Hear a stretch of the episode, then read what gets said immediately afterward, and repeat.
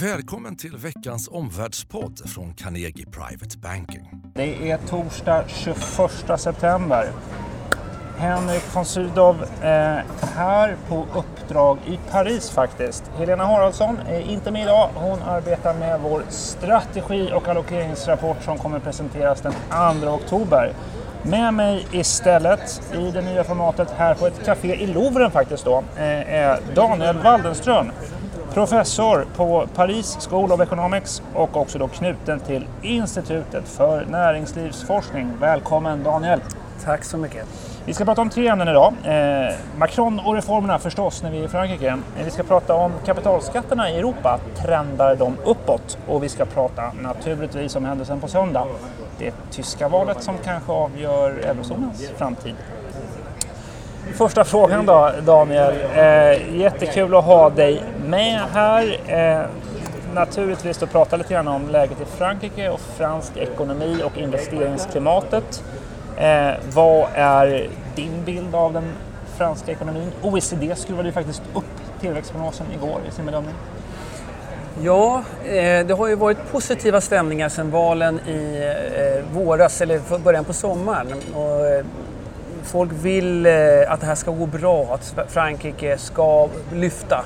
Och, och eh, jag tror att investerarna börjar strömma till och jag, tycker, jag hör att det, det, är på gång saker och ting. Samtidigt så är det fortfarande den stora frågan, kommer Macron klara av att leverera de här reformerna som alla väntar på? Och det finns oroande tecken för de som vill se det, nämligen att han inte kommer att kanske lyckas fullt ut. Intressant. Det är demonstrationer här idag, eller hur? Det är här i, Frank i Paris och sen hela Frankrike 200 ställen men vi ser inte mycket av dem. Eh, så de har inte alls märkts, tycker jag, eh, i samhällskroppen. Ja, det är väl så. Det är också vad som har kommenterats, att de här demonstrationerna och protesterna har samtidigt varit mindre än motsvarande protester mot eh, president Hollands eh, motsvarande reformer, får man säga.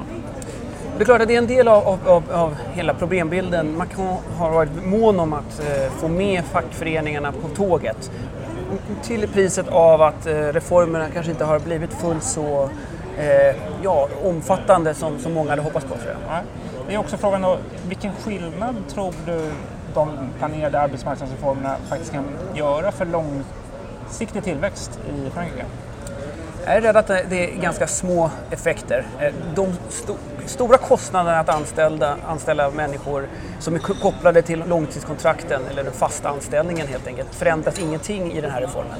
Det, det, det, sker lite grann när det gäller eh, möjligheten att avskeda folk. Eh, det sker lite grann när det gäller tvånget att eh, inkludera fackföreningar i, i skötseln av företagen. Men, men det är ganska små små förändringar och de korttidskontrakten förändras lite grann också. Men det förmodligen lite för lite för att vi ska se någon stor skillnad på tid. Översikt.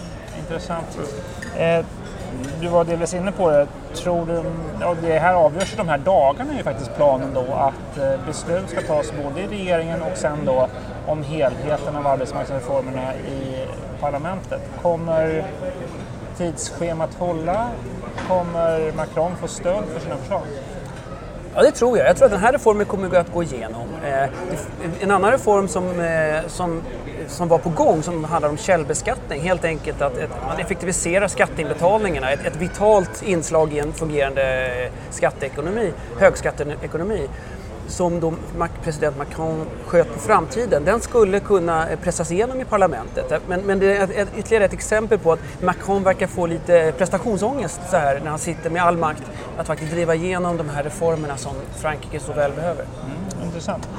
Eh, det du gör här på eh, Paris School of Economics det är ju bland annat att du faktiskt delvis tillsammans med Thomas Piketty, får man ju säga, forskar om kapitalets Eh, struktur och uppbyggnad får man säga och kapitalets fördelning. I Sverige har vi en diskussion om höjd skatt på vinstbegränsningskontot. Det är andra gången under den här mandatperioden som skatten där faktiskt höjs. Vi har tidigare då eh, fattat beslut om att eh, ta bort eh, avdrag för pensionssparande. Finns det en trend i Europa, om vi bortser från Sverige då, finns det en trend i Europa att faktiskt höja kapitalbeskattningen? Ja, delvis. Alltså, och delvis betyder att eh, å ena sidan finns en trend där regeringar men även eh, politiska organisationer, eh, OECD till exempel, ägnar allt större uppmärksamhet om hur kapital skulle kunna beskattas eh, och där vi faktiskt ser att eh, kapitalbeskattningen som fastighetsbeskattningen till exempel är på väg att höjas. I, Mac i Macrons reformpaket så, som kommer kanske senare i, hö i höst då, så kommer höjda kapital, eh, fastighetsskatter vara en del av det här och i Sverige kanske vi kommer att se det också. Så, så att den, en del av det här har ju kopplingar till informationsavtalen, alltså möjligheten att få ut skatt av även det kapital som har flytt landet. Sen å andra sidan, det här delvis så har vi å andra sidan eh, företagsbeskattningen, bolagsbeskattningen som fortfarande trendar nedåt i, i OECD eh, och även EU. Och den, eh, det handlar om en politisk koordination mellan olika länder och den, den, är, den är svårare. Mm. Vad tror du, vad är, vad är det som triggar beslut nationellt om att höja kapitalskatterna? Ja, men, både möjligheten att beskatta, eh, fastigheterna rör sig inte på sig, informationsavtalen gör det möjligt att, att se kapital i andra länder.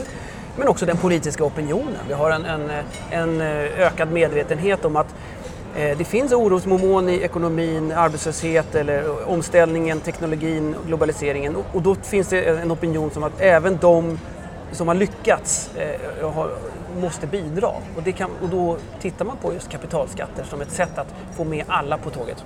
Mm. Om vi lämnar kapitalskatten och tittar på eh, den stora händelsen eh, på söndag. Den stora händelsen i eurozonen och framförallt i Tyskland där det är ett tyskt val till förbundsdagen där. Ehm, din bild, hur pratar man om det tyska valet i Frankrike? Ja, de följer naturligtvis det därför att det här är en, eh, deras stora sam samarbetspartner i, i, Europa. Och jag tror att alla räknar med fortsatt, eh, stabi- eh, fortsatt Merkel-styre och stabilitet. Eh, eh, så, det är min bild av det. Ja, många säger, eh, tycker jag som har delvis följt tyska valrörelsen, att det har varit en väldigt tråkig valrörelse. Ett, eh, en lugnande tablett och så Merkel har det. Men att det kan bli mycket dramatiska förhandlingar efter söndag, måndag, tisdag, onsdag och starten då eh, på, på, veckan efter där eh, om hur man faktiskt formar koalitionen. Någon koalition som du tror är extra gynnsam för eh, eurozonen? Alltså storkoalitionen med, eh, med Merkel och en passiv Schulz skulle nog gynna Frankrike allra, allra mest. Det som, det som folk har pratat om är oron om den här koalitionen eh, med etablerade partier misslyckas så ser man en, rädsla för att det ska gynna då missnöjespartier eh, om fem år eller alltså i framtiden och lite samma oro som man känner i Frankrike gentemot Macrons politik att om han misslyckas, vad ska då ske i nästa val om fem år när det gäller inte minst då nationella fronten och den typen. Och rekyler som kommer utav att etablissemanget misslyckas. Den diskussionen har förts, de parallellerna har förts. Just det. Det är väl ett, eh, en viktig eh, iakttagelse inför sådana händelser att titta på vilket som blir faktiskt tredje största parti. Det är väl ganska tydligt att eh, Merkels parti ser ut att eh, komma i topp med ett stöd kring 35 procent eh, plus minus eh, ett par procentenheter. Eh, tyska, CDU, eh, tyska socialdemokrater kommer sen på kring 23 till 25 procent kanske. Och sen är det ju faktiskt fyra partier som slåss om platsen som tredje största parti. Och det där kan ju verkligen komma att påverka eh, koalitionsregeringsbyggandet eh, eh, framåt. I Frankrike har man inte problem, det är samma problem därför man har ett, mycket, ett majoritetsbaserat valsystem där de små partierna nästan aldrig får representation i, i nationalförsamlingen eller i, i, i regeringen. Så att fransmännen tror, ibland, tror jag känner ibland att kanske borde man ha mer av majoritetsbaserade valsystem i andra länder. Det skulle skapa större stabilitet. Så de, eh, de tycker lite så här synd om andra länder som lider av proportionella valsystem. Flera händelser runt omkring oss nu. Den 26 september, det är ju bara på, på tisdagen då, efter tyska valet, så ska Macron hålla ett stort tal där han lägger ut texten om hur han vill att eurozonen integreras. Har du några särskilda förväntningar på franska presidenten där? Jag hoppas att han kommer att eh, förtydliga visioner kring att e- euron är väldigt central för Europa eh, och att EU och euron går hand i hand och det här är eh, någonting där även Sverige kan ta en, en större aktiv roll känner jag som svensk efter två år i Frankrike. Intressant att Macron gör det här talet precis då på tisdagen efter det tyska valet. Det är som att han vill spela in ett förhandlingsunderlag till den tyska koalitionsregeringsbilden där.